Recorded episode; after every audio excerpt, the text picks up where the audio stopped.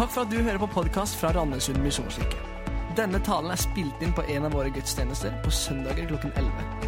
Vi håper det du hører, kan være til oppmuntring i hverdagen, og du er hjertelig velkommen til å ta del i vår menighet. Gå inn på mkirken.no eller Randesund misjonskirke på Facebook for mer info. Israelittene gjorde det som var ondt i Herrens øyne. Da gav Herren dem i hendene på medenittene i syv år. Og slik begynner historien om Gideon, en av de såkalte dommerne i Israel. Og vi befinner oss inn i en av disse destruktive spiralene som Israel på denne tiden i sin historie var fanget av gjentatte ganger. Og Fem søndager nå i høst så har vi en taleserie over Dommernes bok. Og så har vi kalt serien 'I møte med fienden'. Fordi israelsfolket i denne perioden så står de stadig med ansikt til ansikt mot fiender av ulikt slag. Fiender som angriper dem, som plyndrer dem, som okkuperer landet. Dommertiden, eller Dommerboken, beskriver en periode i Israels historie på ca. 350 år. Fra Moses tar israelsfolket ut av Egypt og inn i Kanan, det lovede landet, og til Saul salves som konge ca. år 1000. 350 år, en vanskelig og mørk tid i Israels historie.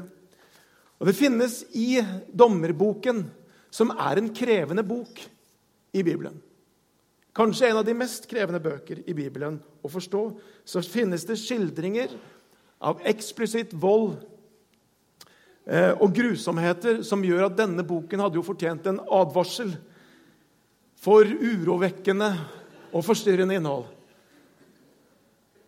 Og ikke bare er det jo beskrivelsen av vold, som er ganske eksplisitt, som er utfordrende. Men det som jo, gjør det ekstra vanskelig, det er jo at dette er jo Guds folk. Dette er jo Gud som reiser opp ledere som skal redde dem, og som selv er med på å utøve denne på en måte bestialske volden. På et eller annet vis så er Gud inne i dette bildet. Og det gjør det vanskelig.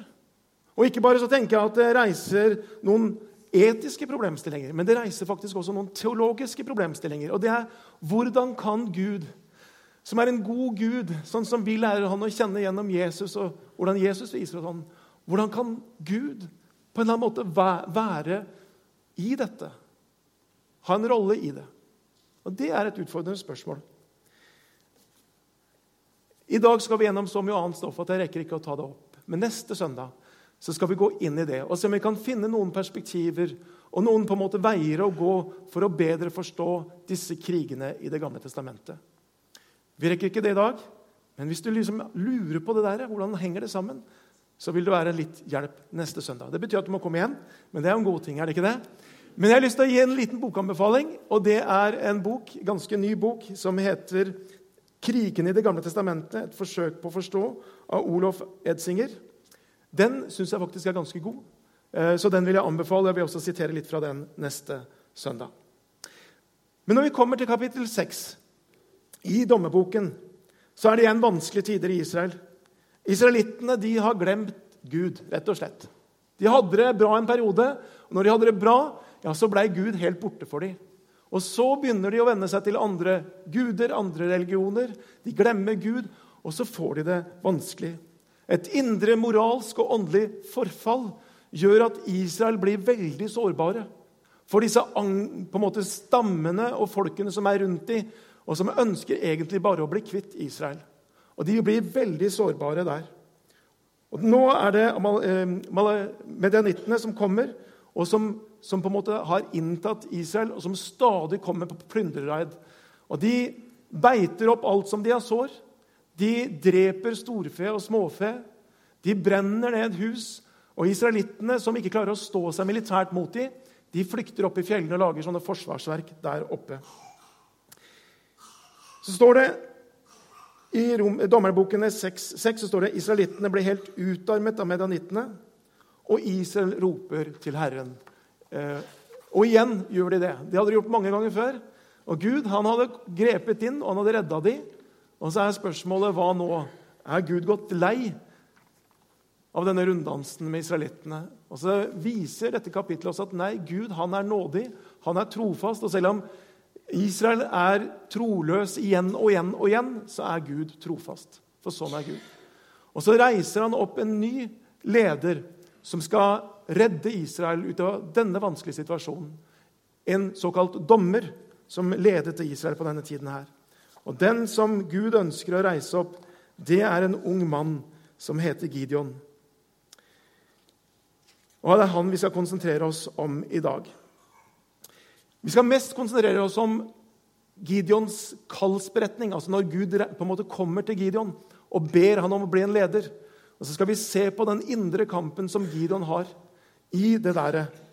Og så skal vi, håper vi at eh, noe av de spørsmålene vi skal ta opp der, Gideons eksistensielle spørsmål, kan hjelpe oss i vår kamp og i våre spørsmål og vår tvil og vår tro, både om Gud og om oss sjøl. Så det er det vi ønsker å se på i dag. Vi skal gå til Dommerboken. Dommerboken finner du i Bibelen etter de fem Mosebøkene og Josfa-boken, altså Bibelens syvende bok. Der finner du Dommerboken. Og så skal vi lese sammen fra kapittel 6 og fra vers 11 til vers 18. Vi leser Jesu navn. Da kom Herrens engel og satte seg under eiketreet i Ofra, det som tilhører Joas av Abieser-slekten. Gideon, sønn til Joas, holdt på å treske hvete i vinpresten for å berge kornet fra medanittene. Da viste Herrens engel seg for ham og sa til ham, 'Herren er med deg, du djerve kriger.' Gideon svarte ham, 'Hør på meg, Herre. Hvis Herren er med oss, hvorfor, dette, hvorfor har da alt dette hendt oss?' Hvor blir det av alle hans under, de som fedrene våre fortalte oss om? De sa at det var Herren som brakte oss opp fra Egypt. Men nå har Herren forlatt oss og gitt oss i hendene på medanittene. Herren vendte seg til ham og sa, 'Gå og bruk den styrken du har, til å berge Israel ut av hendene på medanittene.' 'Det er jeg som sender deg.' Gideon sa til ham, 'Hør, Herre, hvordan kan jeg berge Israel?' 'Min slekt er den svakeste i Manasseh, og jeg er den yngste i min fars hus.' Da sa Herren til ham, 'Jeg vil være med deg, og du skal slå medanittene alle som én.' Og han sa til ham, 'Om jeg har funnet nåde for dine øyne,' så gi meg et tegn på at det er du som snakker med meg. Gå ikke herfra før jeg kommer tilbake. Jeg skal hente en offergave og sette dem fram for deg. Han svarte, Jeg blir her til du kommer tilbake. Og slik lyder Herrens ord. Skal vi be. Ja, Herre Jesus Kristus, jeg takker deg for ditt ord. Og takker deg for at vi har det enkelt og rikelig tilgang på det. Og så ber jeg, Herre, at du skal åpenbare ordet for oss som er her. Takk for at i disse versene så har du en hilsen til oss alle og til hver enkelt. Du har noe du ønsker å si oss, du ønsker, noe du ønsker å tale til oss gjennom disse ordene. Jeg ber at du skal ved din ånd åpenbare det i våre liv. I ditt navn jeg ber. Amen.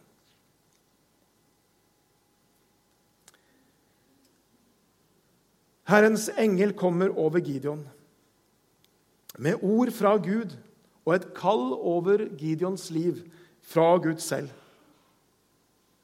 Og så er Gideon ikke så veldig imponert. Og han er langt ifra overbevist. Det er masse motstand hos Gideon. For Gideon har ikke bare en ytre fiende som han må forholde seg til, midjanittene, som stjeler avlingene, som tar hans livsgrunnlag, og som ødelegger landet. Gideon har også en indre fiende som tar hans livsmot, som tar hans frimodighet, og som står i fare for å ødelegge at Gideon kan bli den mann som Gud har skapt han til å være. Han har en indre fiende som han faktisk må ta et oppgjør med før han kan bety noe i forhold til denne ytre fienden. Og Gideons indre fiende var det? Jo, det er en sånn dyp, grunnleggende usikkerhet. Han tviler på Gud. Men det er ikke bare det. Han tviler på seg sjøl. Og det er denne usikkerheten som vi ser også i disse spørsmålene som Gideon møter Gud med. Og det er egentlig det som er disposisjonen for min tale. Det er de tre spørsmålene som vi ser i vers 13, vers 15 og vers 17. Og Det første spørsmålet det handler om spørsmålet om den situasjonen han befinner seg i. Hvorfor skjer alt dette onde oss? Det andre spørsmålet handler om skikkethet, om Gideons skikkethet. Han spør hvem er vel jeg som kan gjøre noe med dette. Og Det tredje spørsmålet det handler om sikkerhet. For, Joshua, nei, for Gideon han må vite at det er Gud han har med å gjøre. Og så sier han, 'Gi meg et tegn.' Gi meg et tegn. Hvordan kan jeg være trygg på at det er Gud som taler? Så Det er de tre spørsmålene vi skal se på i dag. Det første spørsmålet handler altså om situasjonen. Han ser på midjanittenes ødeleggelser og så stiller han spørsmålet hvorfor skjer alt dette onde med oss. Det er det første spørsmålet. Og Så ser vi i denne teksten hvordan Gud møter den unge Gideon. Og hilser han med disse ordene her. Da viste Herrens engel seg for ham og sa til ham, 'Herren er med deg, du djerve kriger.'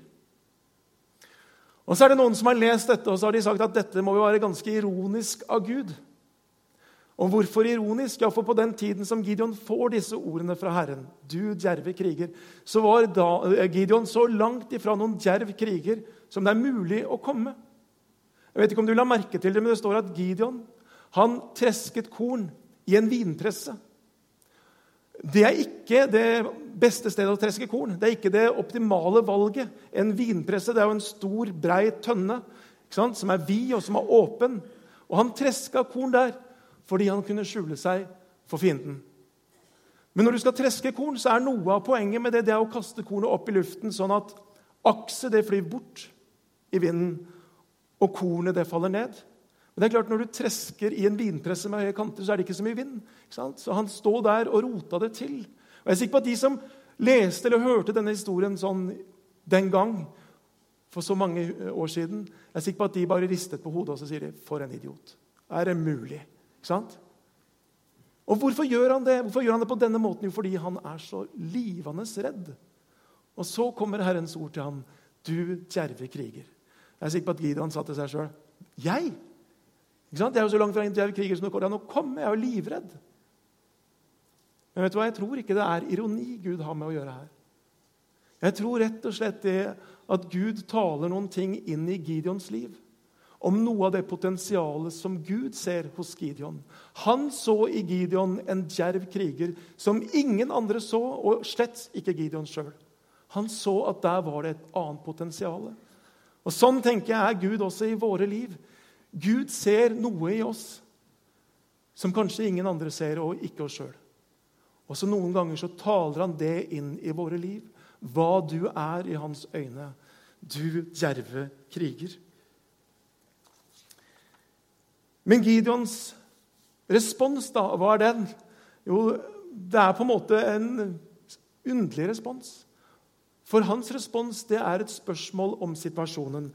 Han sier Hør på meg, Herre.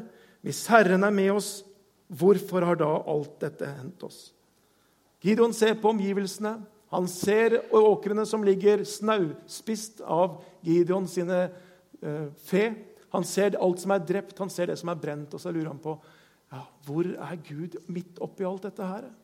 Og så tenker jeg at Gideon stiller det samme spørsmålet som veldig mange stiller i dag. Kan jeg tro på at det finnes en Gud når det er så mye vondt som skjer rundt meg? Kan jeg tro at Gud er nær når all den smerten og alt dette vonde rammer meg?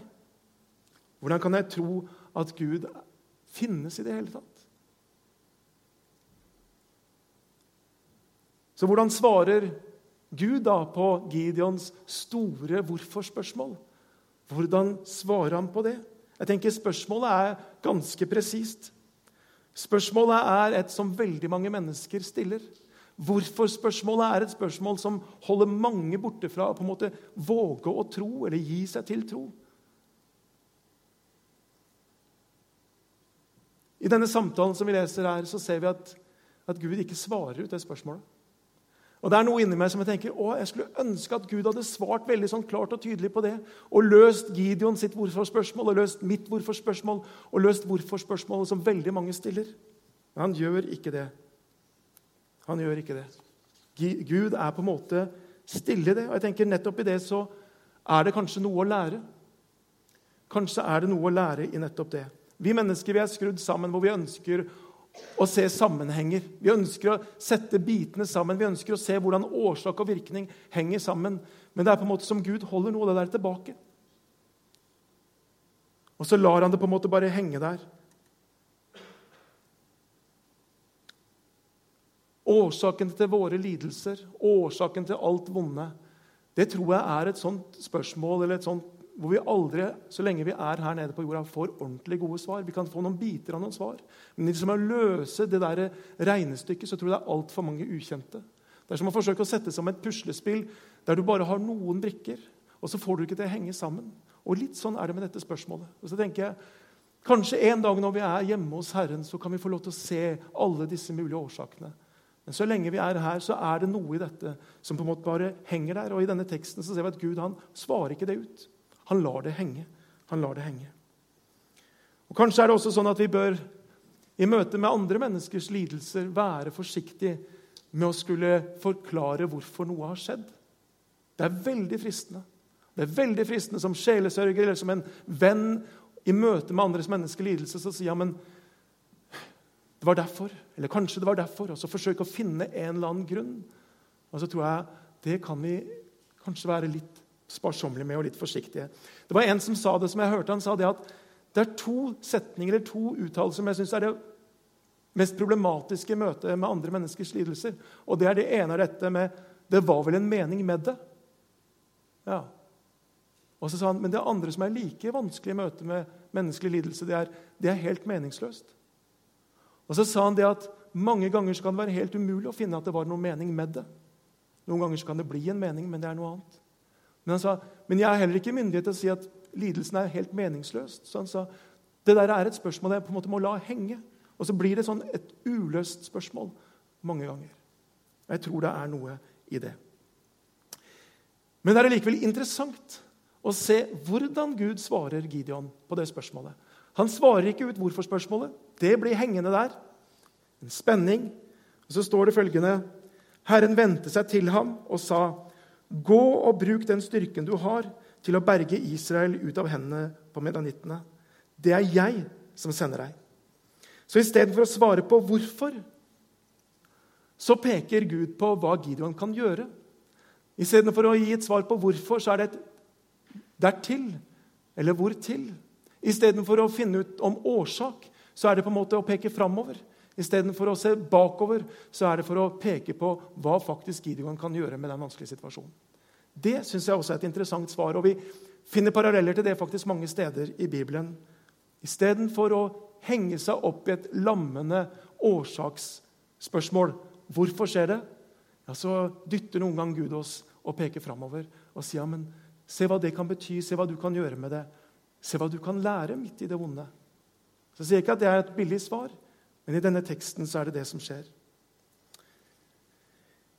Så det var det første spørsmålet som vi så på. Gideon sitt spørsmål om hvorfor, og hvorfor situasjonen var som den var. Det andre spørsmålet som Gideon stiller til Herrens engel, handler om sin egen skikkethet. Hvem er vel jeg som kan gjøre noe med det? Han sier i vers 15.: Hør, Herre, hvordan kan jeg berge Israel? Min slekt er den svakeste i Manasseh, og jeg er den yngste i min fars hus. Det er ikke bare Gud som Gideon tviler på. Han tviler i høy grad på seg sjøl. Han tviler på at den sprukne krokken som han ser, jf. innledningen, kan bety noe som helst forskjell. Jeg er den yngste i min fars hus. Min slekt er den svakeste i Manasseh. Og Manasseh var en stamme i Israel og ikke en av de framtredende stamme. Det er kanskje derfor du ikke har hørt så mye om den.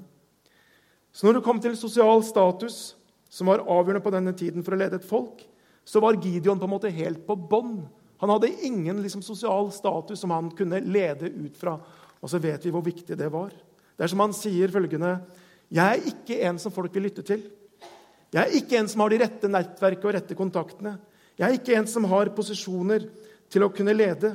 Dessuten så er jeg livredd og fryktsom av type. Og så er jeg jo bare en kornbonde, og en ganske mislykka en, i og med at han alltid har korn og aks blanda sammen. Så står han der og sier Hva, hvordan i alle dager kan jeg berge Israel? Hvordan kan jeg gjøre noe med dette? Og Så sier Gud til Gideon ikke at han tar feil. Han sier ikke 'du tenker altfor lite om deg sjøl'. Det er ikke det som er Guds svar. Han sier ikke noe sånn trøsten som 'ja, men du er jo så god at det', eller 'du er jo ikke så ung'. Familien din er jo ikke så dårlig. Ikke sant? På en måte, Gud møter ikke det på noen annen måte enn at han sier 'men jeg skal være med deg'. Han sier det kan være riktig, alt det du sier, men du glemmer én viktig faktor, og det at jeg har gitt deg et løfte om at jeg skal være med deg. Derfor så blir det en annen situasjon enn det du ser. Personlig så kjenner jeg meg utrolig godt igjen i Gideon sine ord her. Veldig ofte. Jeg kjenner meg ofte veldig liten innenfor det jeg opplever som noen ganger store og overveldende oppgaver. Kjenner meg noen ganger så hjelpeløs, svak, kraftløs, liten. Kjenner at jeg mangler ferdigheter eller talent eller gaver eller hva det nå skulle være. Jeg kjenner, når jeg ca. 30 år siden kjente noe av Guds kall over mitt liv til å bli pastor. At Gud på en måte uroa meg i den retningen. Så tenkte jeg, jeg tror jeg formulerte meg omtrent sånn som Gideon formulerer seg her. Jeg tenkte hvordan i alle dager kan jeg bli en pastor? Jeg som er plagsom, beskjeden, introvert og innadvendt. Som aldri noen gang tok ord i en forsamling. som ikke kunne lese høyt i klassen, selv ikke på gymnaset. Det ble bare stotting og stamming. Som aldri delte som et eneste vitnesbyrd i menigheten hvor jeg vokste opp. Som var så lite frimodig at da religionslæreren min på gymnaset ba meg om å holde et foredrag om min tro, så sa jeg nei. Kan du tenke deg noe bedre lissepasning å få? Og Istedenfor liksom å på en måte ta den på hel volley, så, så løper jeg av banen.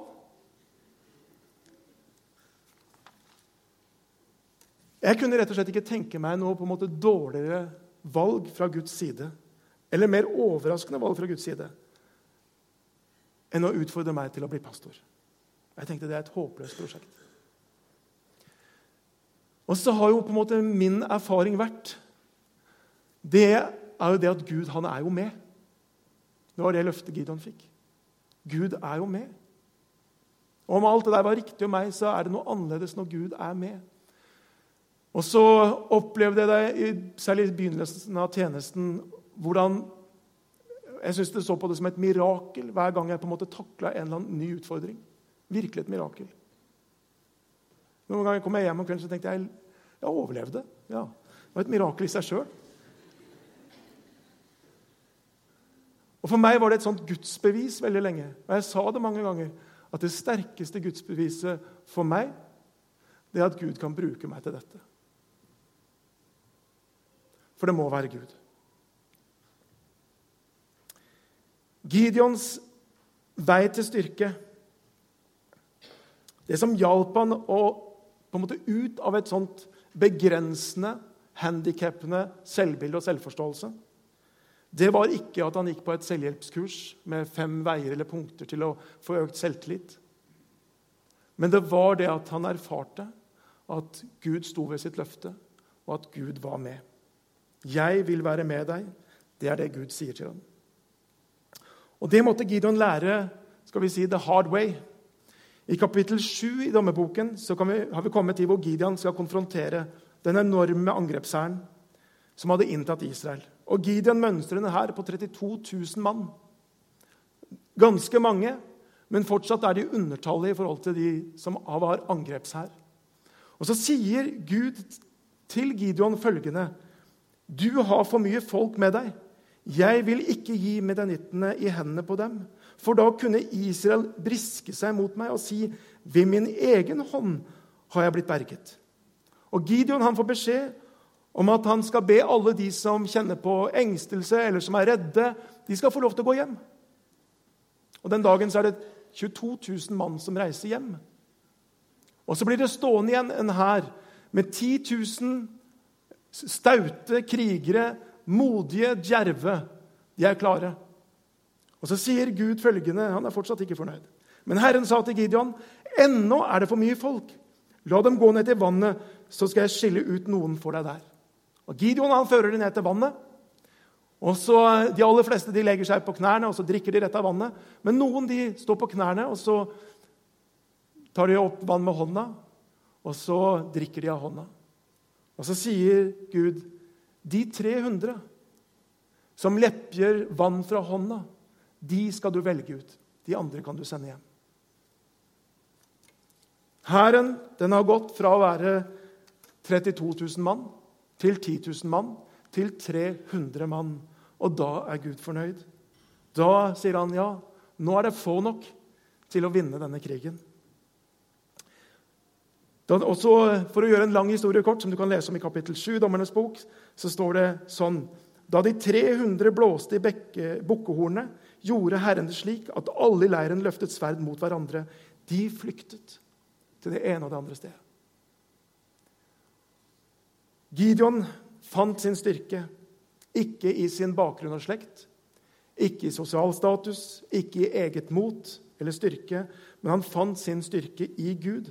Han gikk fra å kjempe med en hel masse problematiske spørsmål, med å kjempe med egen tvil, med å tvile på Gud, til å tro og til å stole på Gud på en slik måte at han sender nesten hele hæren hjem. 99% 1% ble værende. Og så legger han sitt liv fullstendig i Guds hender. Og så møter de hæren, og så er det en overlegne seier. De overvinner de, og de flykter. Og Historien om Gideon tenker jeg, det viser oss følgende at det går an å være en minoritet i den synlige verden og allikevel være en majoritet når Gud er med oss. Det går an å være en minoritet i den synlige verden og allikevel være en majoritet når Gud er med oss. Og Det var det Gideon oppdaga og Gideon lærte. Det tredje spørsmålet som Gideon stiller, det er om sikkerhet. I møte med Herren så stiller han spørsmål hvordan kan jeg være trygg på at det er Herren Gud som taler med meg. Hvordan kan jeg være sikker på at det virkelig er Gud? Og han sa til ham, om jeg har funnet nåde for dine øyne, så gi meg et tegn på at det er du som snakker med meg. Gå ikke herfra før jeg kommer tilbake. Jeg skal hente en offergave og sette den fram for deg. Han svarte, jeg blir her til du kommer tilbake. Gideon taler ansikt til ansikt med Herrens engel. Det hadde kanskje holdt for de fleste, men ikke for Gideon. Han er fortsatt ikke sikker. Han er fortsatt usikker. Og Gideon han er kanskje engstelig for at han blir lurt, at det er noen kamerater som spiller han et puss, eller at det er skjult kamera, eller hva vet jeg. Men han er i hvert fall ikke sikker, selv om han er der ansikt til ansikt med engelen. Gideon var den typen som bare måtte vite, som måtte se med egne øyne, som hadde ikke lett for å tro.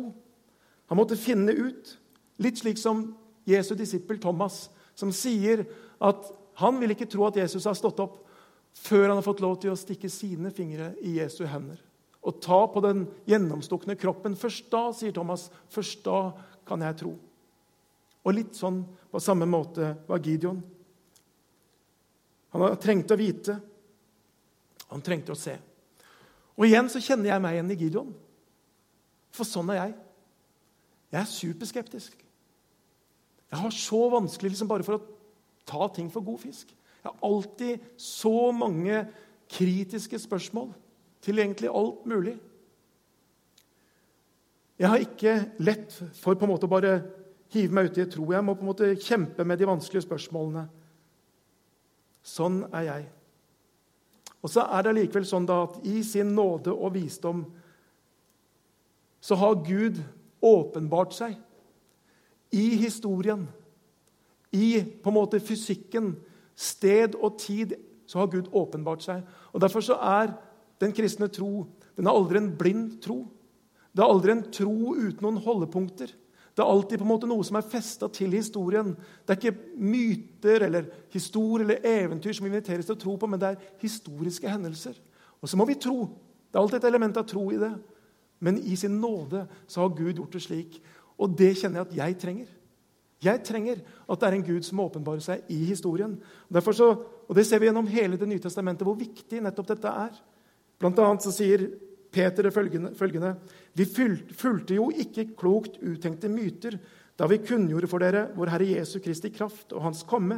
Nei, vi var øynevitner, og vi så Hans guddommelige storhet, sier han. Og så understrekes det at det var øynevitner. Det var disiplene som så det. Om det forteller de. Det er gode, logiske grunner til at det som står i Bibelen, er sant.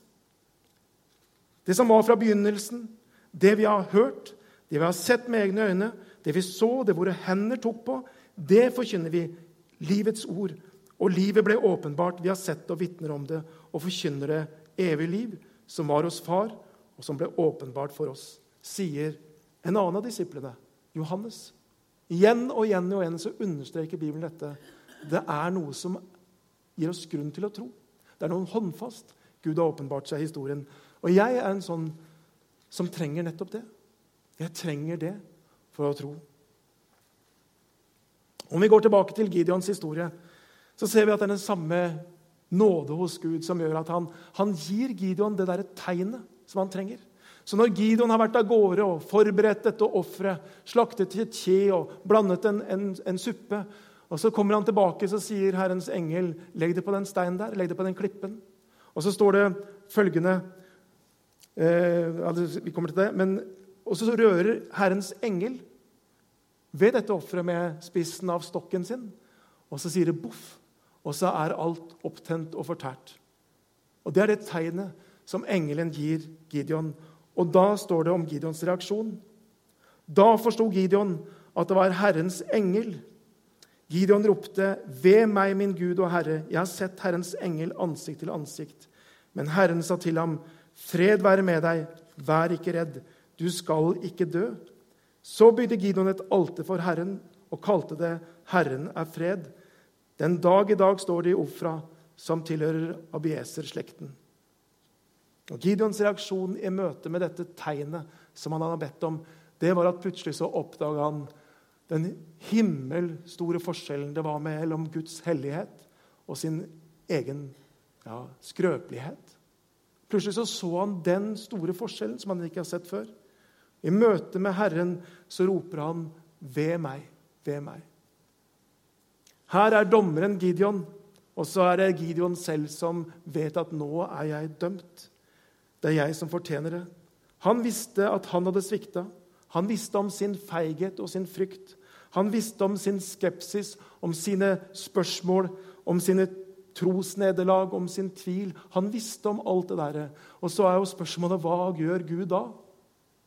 Og så står det følgende Fred være med deg. Vær ikke redd. Du skal ikke dø. Og slik møter Gud Gideons nederlag. Sånn er det også Gud møter hvert eneste menneske som kommer til han med sin synd, med sin skam, med sitt nederlag, med sin tvil, med sine spørsmål. Hvert eneste menneske som kommer til Gud, møter Gud nøyaktig på denne måten her. Fred være med deg. Frykt ikke. Du skal leve. Du skal ikke dø. Gideon tok en beslutning den dagen. Og den beslutningen det var å gi seg helhjerta til Gud. Og Som en respons på det, og sånn som han gjorde det på den tiden, så bygger han et alter.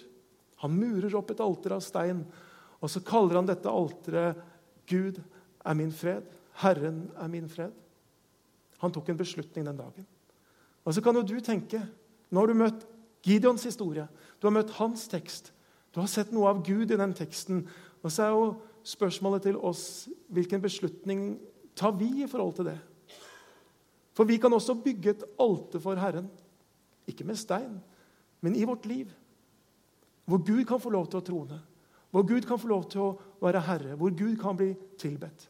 Og Den beslutningen den kan vi ta også her i formiddag. Enten for første gang, eller kanskje vi trenger å gjøre det på nytt. Rededikere vårt liv til Herren, som møter oss med 'frykt ikke', 'fred være med deg'. Du skal ikke dø, du skal leve. Gideon kjemper med disse eksistensielle spørsmålene som jeg tror veldig mange av oss kjemper med, og mange kan kjenne oss igjen i. Og Så svarer ikke Gud ut alle de spørsmålene. Han svarte ikke på 'hvorfor er det så mye vondt i verden?' Han svarte heller ikke ut Gideons spørsmål 'Hvem er jeg?' Men det Gud gjør, det er på en måte å ta et skritt nærmere Gideon. Komme han i møte, komme han i møte som den han er, med eller uten alle de spørsmålene. Og så sier han at det er jeg som sender deg. Jeg er med deg. Jeg vil være nær deg. Ser du det? Og Sånn tror jeg også Gud gjør med oss. For Vi kan ha så mange spørsmål vi tenker at jeg må ha svar på det, jeg må ha svar på det, og så får vi ikke det. Noen ganger så sier vi jeg kan ikke tro på Gud hvis ikke jeg får svar på det. Og Så er det ikke helt sånn Gud opererer. Men det Gud ønsker å gjøre, det er å trå deg nær. Det er å komme tett innpå deg. Og så vil han si, 'Jeg er med deg. Jeg er nær deg.' Et av de navnene som Jesus har, er jo Immanuel, som betyr Gud med oss. Og Gud han har kommet så nær oss, så tett innpå at Gud ble menneske. Og Noe av det siste Jesus sier til dine, sine disipler før han forlater dem, det er jo dette å se jeg er med dere alle dager inntil verdens ende. Det er hans løfte. Så er det kanskje sånn da, at når Gud trår oss nær, når vi erfarer hans nærhet, ja, så er det kanskje ikke så farlig om ikke vi får svar på alle spørsmålene. For jeg tror noen av de svarene de får vi først når vi er hjemme hos Herren. Og se, jeg er med dere alle dager inntil verdens ende. Det er det løftet Jesus har gitt oss, og det er det, Jesus, det, er det Gideon også fikk erfare. Skal vi be? Himmelske Far, ja, du kjenner hver eneste en som er her i dag. Du ser oss, og du ser tvers gjennom oss, og du ser vårt hjerte, Herre. Du ser våre spørsmål, og du ser vår motstand på din invitasjon. Jeg har bare lyst til å be at du må komme nær oss. Må du hjelpe oss til å åpne opp for deg? Og så ser du at kanskje vi trenger i dag å bygge et alter, vi òg sånn som Gideon gjorde. Inni oss et sted. Der vi kan tilbe deg, og hvor du kan trone. Jeg ber, Herre, at du skal i av de neste minuttene at du skal berøre oss, vi som er her. I ditt navn jeg ber. Amen.